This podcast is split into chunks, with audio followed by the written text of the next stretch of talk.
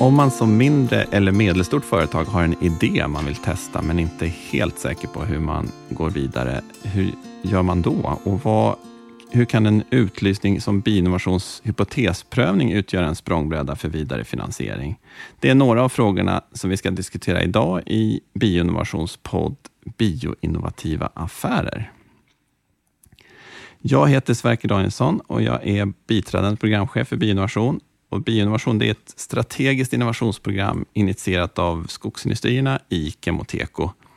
Programmet finansieras av Vinnova, Energimyndigheten och Formas inom ramen för den gemensamma satsningen Strategiska innovationsområden. Och det finansieras också från näringsliv, akademi, institut och offentlig sektor som deltar i programmet. Målet med bioinnovation är att öka förädlingsvärdet och konkurrenskraften i den svenska biobaserade sektorn genom att skapa bästa möjliga förutsättningar för att ta fram nya biobaserade material, produkter och tjänster. Och I dagens avsnitt så har jag sällskap av två gäster. Det är Karin Sandstedt som är VD på Irmas Fabric och Karin Sandberg, seniorforskare på RISE. Välkomna till podden. Tack så mycket. Eh, Karin Sandberg, du är, sitter på, jag sitter själv i Stockholm i ett regnigt november Stockholm. Hur, hur är läget hos dig? Ja, jag sitter ju då i Västerbotten, i Skellefteå och här är det gråmulet, ja. jag säga. Ja. Med lite snö på backen. Just det. Och eh, Karin Sandstedt, eh, var befinner du dig i landet? Jag befinner mig också i Stockholm, eh, söder om Stockholm, söderort. Så att, eh, det är samma som det är hos dig. Just det. Nej. Eh, och skulle du kunna berätta lite om Irmas Fabric? Vad gör ni för någonting? Ja, men absolut. Ehm, vi jobbar med ehm, innovativa material som kommer från naturen. Eh, och det hela började med att jag designade en väska som jag fortfarande säljer på min webbshop. Um, och den väskan är gjord i material från skog och äpple. Uh, jag valde att köpa in det materialet från Italien, för det fanns inte i Sverige just då. Uh, och Det var där min resa egentligen började. Uh, jag såg potential att göra det här i Sverige, så jag kontaktade RISE så numera driver vi ett forskningsprojekt tillsammans där vi håller på att ta fram ett material eh, utav svenska äpplen och svensk skog. Så numera ligger fokus väldigt mycket på att jag ska bli materialproducent. Spännande. Och eh, det är det ni kallar läder, veganläder, läderliknande material, eller hur? Ja, precis. Just det. Hur, hur eh, status i det projektet, kan du berätta om det? Ja, statusen just nu är att vi har ganska nyligen gått över i eh, steg två, eh, fått finansiering eh, från Vinnova och Bio Innovation då för att eh, utveckla det här materialet ytterligare. Ehm, och med på den här resan så har jag fått med mig eh, nio olika partners som är väldigt intresserade av slutmaterialet. Ehm, och det är allt ifrån ehm, slutkund, alltså kund som är intresserad av att använda materialet själva i sin produktion. Ehm, och det är stora kända svenska varumärken som idag jobbar inom modeindustrin. Tillverkar skor, klockor, eh, väskor med mera. Så det finns en väldigt stor efterfrågan där, så det känns jättespännande. Sen har jag också med mig två eh, partner som förser oss med material. Eh, bark från skogen och sen äppelrester från eh, musteri, äppelmusteri här i Sverige. Just det. Det är jättespännande med, med de här restströmmarna som man kan valorisera. Har det varit viktigt från första början att det är just biobaserat? Eller hur, kan du resonera kring det? Att det är en, eh, ja, men det är en väldigt bra fråga. Ehm, I och med att jag började min resa med eh, just att producera en väska så hade jag ju alltid läder som ett alternativ. För vanligt animaliskt läder har ju väldigt bra kvalitet. Eh, och det används också väldigt mycket av en anledning just för att det är så pass bra. Men tyvärr så är det ju också Ehm, en baksida med att använda just animaliskt läder. Det har ju väldigt stor påverkan på vårt koldioxidutsläpp. Ehm, jag lärde mig ganska fort att om man går över till biobaserat ehm, veganläder som ett alternativ då till vanligt, animaliskt läder så kan man minska koldioxidutsläppet med närmare, på, närmare 40 gånger. Så det är ganska stor påverkan där. Eh, så det var där jag började liksom grotta ner mig i eh, det här området och förstod att det fanns väldigt mycket man kunde göra faktiskt med, varor, eh, med råvaror från naturen. Mm. Ehm, så det är väl egentligen det som har drivit mig, att det finns så pass mycket man, man kan göra för att hitta ett material som ersätter det animaliska. Just det, jättespännande. Och eh, det är ju många som eh, tittar på just biobaserat och kanske särskilt på restströmmar som har, där man har mm. inte hittat något högt värde ännu. Men har ni sett någon det är ju spännande att ni har med er de här råvaruproducenterna. Mm. Jag funderar på, har ni, ser ni någon begränsning i råvara på råvarusidan? Eller hur mycket man kan skala upp till en stor produktion? Ja, alltså det som jag kan säga idag så ähm, är väl ähm, svaret, det enkla svaret egentligen att ähm, det materialet som vi använder används inte till något annat idag. Just det. Eh, det inom äppelindustrin så komposteras det. Eh, så det är ofta en utgift för musterier idag. Eh, att ta hand om det. Och inom skogsindustrin så använder man inte det materialet som vi tar tillvara på. Och det är stora mängder. I vissa fall så eldar man upp det och det ger också negativ påverkan på miljön. Så i dagsläget så finns det väldigt mycket material att använda sig av. Just det. Just det. Ja, spännande. Vi, vi återkommer lite till det. Jag tänkte höra med Karin Sandberg som är eh, vad ska man säga, lite av en veteran inom bioinnovations olika projekt och drivit både större och mindre eh, satsningar. Hur eh, startade din resa med just bioinnovationsramen? Ja, den började för länge sedan, redan mm. 2016. Eh, då hade bioinnovation en utlysning inom ett större innovationsprogram eh, inom bioinnovation då, som heter Construction and Design. Och inför den här um, utlysningen så var det flera möten och workshops där man skulle då plocka fram Eh, prioriterade områ områden till den här utlysningen tillsammans med då intressenter från industrin. Och eh, tillsammans då så utvecklas de här grundidéerna för innehållet i det här innovationsprogrammet. Och och det blev så småningom det innovationsprogrammet som kallas IPOS. IPOS står för Svensk träinnovationspotential för det biobaserade samhället. Och jag var då koordinator för IPOS. Eh, och vi, det, men det var ju som projektledare för varje de här delprojekt, fyra delprojekten. Då. Men tillsammans hade vi ungefär en budget på 52 miljoner kronor. Så det var ganska mycket, många mycket och vi var ungefär kanske 50 deltagare både från industri, forskningsinstitut och universitet. Så det blev en ganska stor ansamling av eh, både projekt men också deltagare. Och eh, om man tänker liksom på för och nackdelar med det, men fördelen med det här var väl att eh, de här delprojekten hade en gemensam nämnare. Och det var ju att utveckla och förstärka produkter av furan. Så alla de här projekten gjorde det på olika sätt. För att behovsanpassa material och produkter och processer och utveckla innovativa lösningar. Och hur man kunde ha sina kundrelationer och andra saker och, och inte bara produktionsprocessen då. Eh, och eh, tillsammans så gjorde vi många saker mellan de här projekten. Vi hade gemensamma möten, för att tre stycken blev det. Vi hade gemensam webbinar och vi deltog också på Stora Trähus tillsammans. Så det fördelen med det, det var att vi lärde oss mer om varandras projekt och lärde känna de olika företagen som deltog i de här projekten. Så att, äh, och det är en stor del av de här projekten, det är ju att nya eller gamla, men att företag eh, tillsammans utvecklar innovativa mm. idéer. Mm. Just det.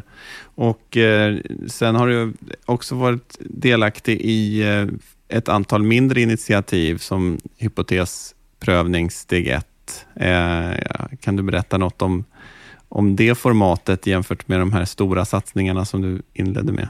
Ja, precis. Eh, ett projekt som ingick i den här IPOS då, det var ju ett projekt eh, som hette Fasaden i staden snabbt, smart.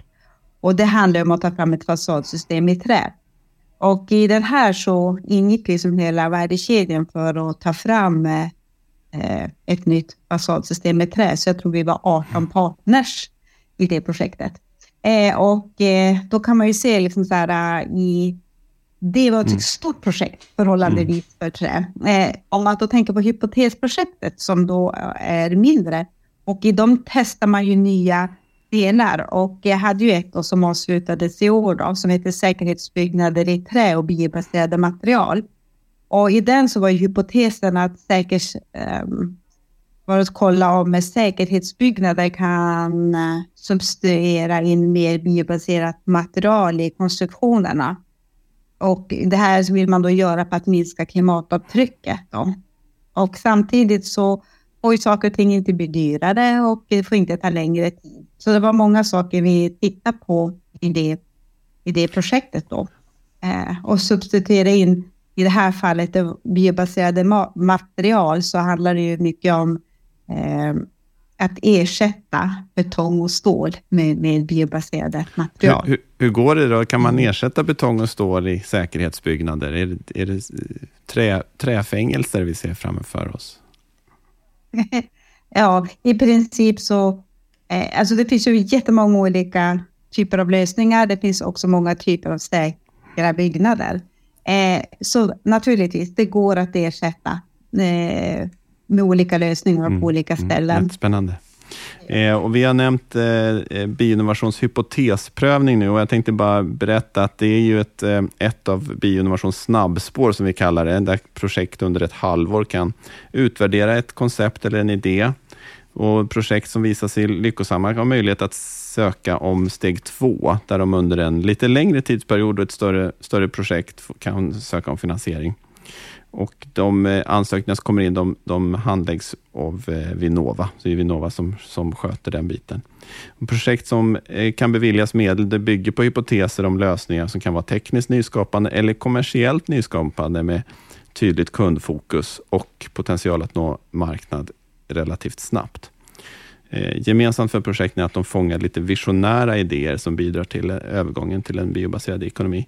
Och Eh, det är just de här högriskprojekten som vi vill skapa en, en, en ganska enkel väg in till ansökningsbiten och att, man, att en utlysning som ska vara... Vi, vår, vår ambition är att den ska vara ganska lätt att... Eh, eh, inte någon tung administration, utan ganska lätt att söka kring. Eh, ja, det tänkte jag höra med, med Karin Sandstedt. Hur gick ja. det till när hur fick du reda på eh, hypotesprövning som ett alternativ för er? Minns du det? Ja, um, absolut. Nej, men det hela började ju med att jag eh, kontaktade RISE. Um, ehm, jag hade dem med mitt nätverk sedan tidigare. Uh, och RISE är ju ett uh, statligt forskningsinstitut i, i Sverige. och då kom jag i kontakt med um, en, ja, uppenbarligen rätt person då. Och sen så började vi diskutera potentialen med det här materialet eh, och eh, vi bollade det fram och tillbaka och eh, eh bestämde oss för att eh, göra eh, ett försök att ansöka till hypotetisk prövning 1. mest för att vi kände då att vi ville testa. Precis så som du sa så är det ett ganska enkelt format. Så vi valde att göra det och hade då eh, i det skedet med oss två partner som eh, var väldigt intresserade. Men det var ju en mindre projektgrupp då. Eh, men så det var, jag, som svar på din fråga så fick jag hjälp av RISE eh, och vi gjorde det tillsammans helt enkelt. Just det. Eh, och hur ser ni på den här typen av utlysning? Tjänar den sitt syfte så att säga eh, i att vara en inkörsport till kanske större initiativ och större projekt? Fråga båda, men jag kan börja med dig Karin Sandstedt. Ja, nej men för oss var det definitivt det. Mm. Eh, jag visste från början att det här var en eh, chansning. Alltså det här materialet finns inte idag. Mm. Eh, det materialet som jag har valt att använda i mina väskor är ju inte eh, på samma sätt som det här materialet som vi jobbar med nu. Eh, så att det, det var helt enkelt en prövning. Eh, så det här passade väldigt bra. Jag visste att det skulle kunna vara så att vi inte skulle jobba vidare, men vi hade tur och eh, det fanns potential och det är därför vi har gått vidare i steg två nu. Men för mig var det verkligen en, ehm, verkligen en öppnades en, en möjlighet. Mm. Och vad säger du Karin Sandberg? Ehm, och hypotesprövning, är det ett lätt sätt att, att testa en ny idé eller nytt koncept? Ja, absolut. Eh, precis som andra Karin säger här så är RISE ett forskningsinstitut och vi jobbar ju med implementeringen av resultat i industri och samhälle. Och därför har den här hypotesprövningen varit viktig eftersom man på, som, precis som du säger, på ett relativt snabbt och enkelt sätt kan lägga grunden för nya vägar framåt. Alltså man kan testa, eh, samla kanske information också. Och den här eh, utlysningen har ju funnits och pågått i flera år, eh, vilket gör att det kontinuerligt går att komma med idéer som det annars kan ta väldigt lång tid att få finansiering för mm. att testa. Och det tror jag är viktigt, att inte tiden bara rinner iväg, utan att man kan ja, men under ett halvår, sju, åtta månader testa den här idén och sen bestämma hur man vill eller kan mm. gå vidare.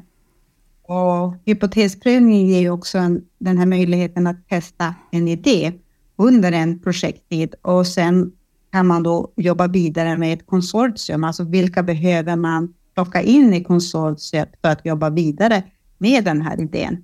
Det är kanske den största vinsten, hör jag på att säga, att få ett riktigt ja, bra konsortium.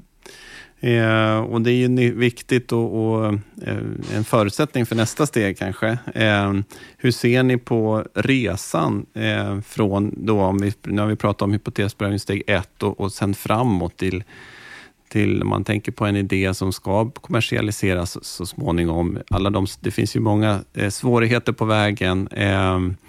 Och vi som strategiskt innovationsprogram, vi försöker ju stötta dem och initiera nya idéer och sen förhoppningsvis vara en, en, en länk upp till större projekt och kommersialisering. Hur, hur ser ni på um, den resan som ni gör? Um, um, vad finns det för svårigheter och vad finns det för möjligheter i, i utlysningar? Och så?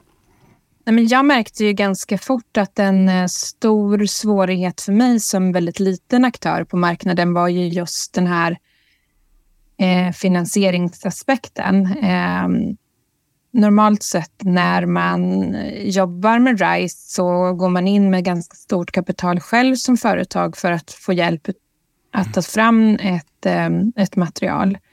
Eh, jag var ju så pass sliten så att jag var ju väldigt beroende, och det är jag fortfarande, men jag var ju väldigt beroende med att få med mig partner på resan som antingen kunde gå in och finansiera eh, resan. Eh, men det jag fick lära mig då ganska tidigt var att man kunde hitta partner som kunde bidra med så kallad in-kind. Alltså de går in med sin tid och kunskap i projektet och att det förvandlas om i, som pengar i projektet helt enkelt.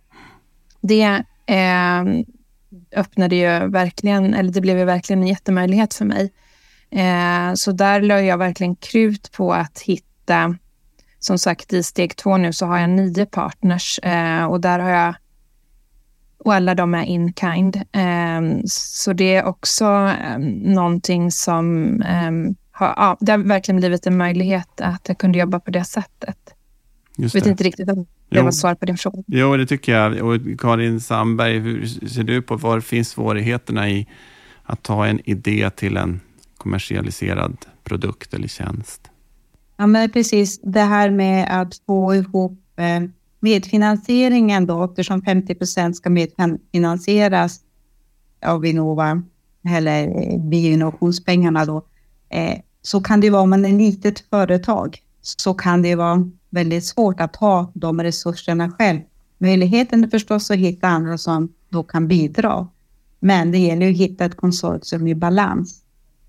Andra svårigheten är ju att vinna steg två, eller fortsättningen. Det är väl den stora eh, svårigheten kanske, att eh, det är stor konkurrens i utlysningarna. Mm.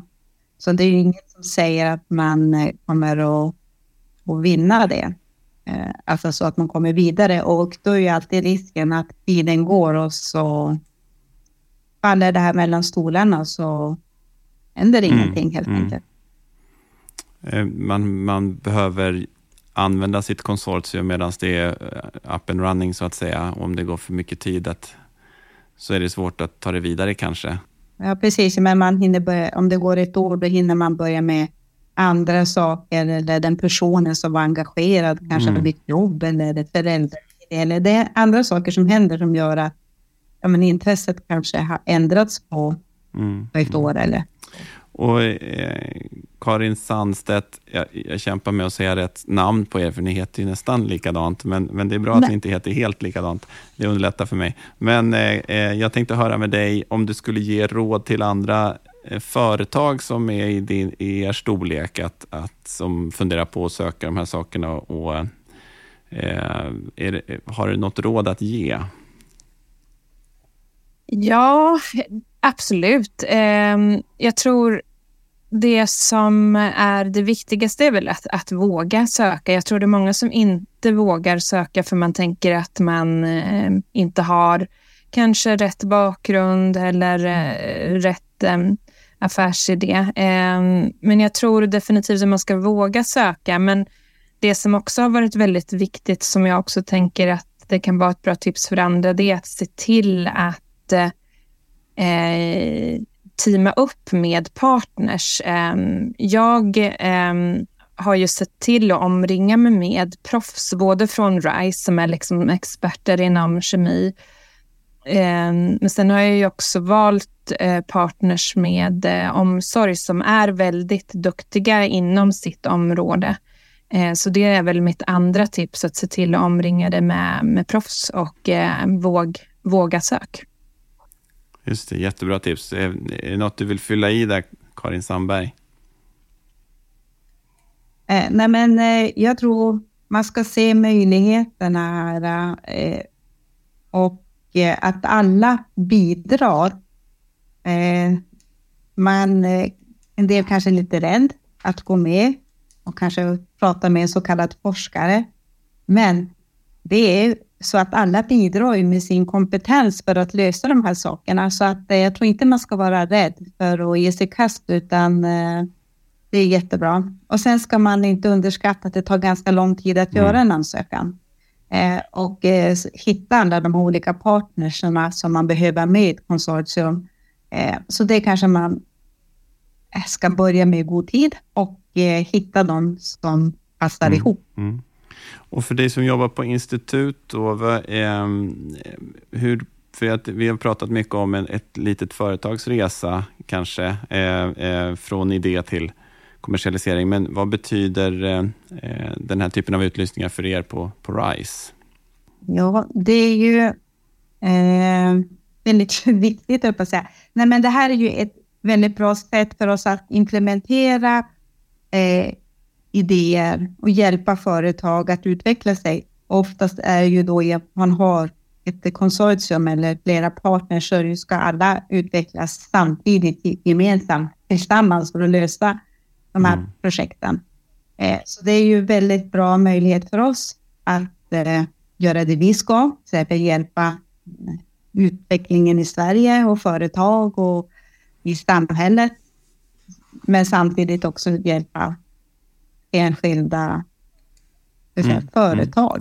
Mm. Då, en fråga kring, kring konsortiebildningen. Då. För du som, från institutet, institutionssidan så kan det ju vara så att du har en idé, men inte en, ett företagspartners kanske. Hur, hur gör, går du tillväga för att hitta företag? Du har ju etablerade samarbeten, så jag gissar att du kanske börjar där. Men eh, är det något du kan berätta om hur man hittar företag till, sin, till sitt projekt och vice versa, hur företagen hittar till rätt ingång på till exempel RISE eller annan aktör? Eh, det ena sättet det är ju som Karin berättade, att eh, det kommer mm. någon och mm. frågar. Mm kan det vara. Eh, alltså på kontakten säger att, ja men, hur gör man det där eller hur funkar det där? Då kanske man bör fundera igenom. Ja, men det skulle man kunna lösa på det här sättet med de här partnerna, med de här olika aktörerna. Eh, och det är ju något som eh, vi är ganska bra på på RISE. Vi har gjort det många gånger. Eh, så att då är det kanske en fråga som kommer utifrån som man då riggar ihop ett projekt och hjälper någon att eh, ge ett förslag på hur man kan lösa frågeställningen mm. eller problemet. Eh, nu är det så att jag jobbar ju mm. med träbranschen eh, och där är ju många företag, mm. SME. Så det här ligger i sin natur, liksom, att man jobbar med dem. Eh, men dessutom har jag ju jobbat ett tag, så att jag vet ju en del om olika företag, olika industrier, vet vilka olika idéer som kan passa olika aktörer. Så det här är väl lite lång erfarenhet som gör att eh, ja, men, eh, det här är de som skulle passa in för den här idén. Så att eh, det är väl till viss del lite erfarenhet det, också. Och Karin Sandstedt, hur, hur, du berättade hur ni hörde av er till RISE, men finns det något annat att säga kring hur man formar sitt konsortium om man är ett nystartat bolag som söker samarbetspartners. Har du några mer tips att dela?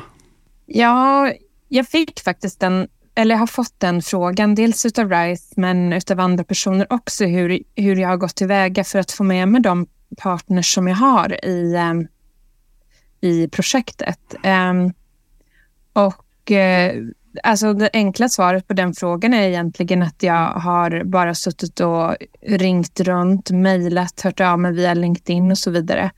Eh, eh, så har verkligen legat på för att få de här partnerna. Eh, de valdes ut eh, av mig för att de har liksom rätt profil, vet att de är intresserade av hållbarhet och att de driver många projekt inom det området. Eh, och att det också var svenska varumärken var viktigt. Eh, och jag vet att de också ligger i framkant. Eh, så det är väl liksom ett eh, tips att man faktiskt eh, hör av sig. Och många av de som jag hörde av mig till blev jätteglada eh, att man hörde av sig. Eh, och en del sa till och med att de hade letat efter något liknande material och eh, ja, tycker att eh, det var väldigt trevligt att man hörde av sig. Så väldigt mycket positiva eh, reaktioner. Men sen har jag fått jättemånga nej också. Jag, fick, jag har fått nio partners, men jag har ju säkert ringt runt, jag vet inte, väldigt, väldigt många och fått väldigt många nej. Men väldigt mycket positiva reaktioner. Just det. Ja, spännande. Och hur, vad ser ni framåt? Vad är viktigt framåt? Saknas det utlysningar i något skede, i någon uppskalningssteg eller, eller så som, som ni ser? Um, eller finns det vägar och, och, som är etablerade att ta? Hypotes ja, 2 ja. får man ju vänta får man ju vänta länge på jag, innan ja, den jag kommer. tänker efter den och att man skalar upp, för den är ju tydlig. Steg ett och steg men, två. Sen, ja. men, men annars tror jag ganska ofta att det blir någon typ av eh, Vinnova, för de passar väldigt bra till den här typen av eh, projekt helt enkelt, alltså mm, fortsättning. Mm. De, eh, när man jobbar med innovationer mm. framåt. Så att det passar nu Just det. bra till. Och sen finns det ju ett, ett snäpp upp till och då är det ju ett, med många stora konsortium eh, och flera länder om man vill söka EU-finansiering. Eh, det är en, en, helt annan historia, så att säga. eh. Då kanske man vill ha kommit en liten bit på väg. Alltså, nu mm, pratar vi om mm. hypoteser. Eh, när man har kanske gjort steg två där, då kanske man börjar vara redo att ge sig mm, kast med mm. Europa. eh, I steg man kanske vill jobba lite med idén däremellan. Man, eh. Just det, spännande. Och hittills har drygt 130 steg ett projekt startas och ett 30-tal av dem har gått vidare till steg två. Alltså det är som du säger, det är Eh, inte alla som tar sig vidare till steg två, utan det är, det är många, det är tanken också att man testar någonting som är ganska ofärdigt och kanske inte var så enkelt som man först hade hoppats på. Så, så skulle jag vilja tacka er så mycket. Jag, jag tar med mig det här, jag tyck, tyckte det var väldigt välformulerat kring att, att våga söka oavsett bakgrund och, och, kompetens, men att också teama upp med rätt partner som har kompetens som kompletterar så jag hoppas att det kan bli eh, medskicket från, från den här podden. Stort tack för, för att ni var med, Karin och Karin, och lycka till framöver. Det kommer bli jättespännande att följa båda era projekt i, i, och framåt. Eh, och för dig som tycker det här låter intressant och är nyfiken på att söka hypotesprövning så finns det mer information på bioinnovation.se. Tack ska ni ha.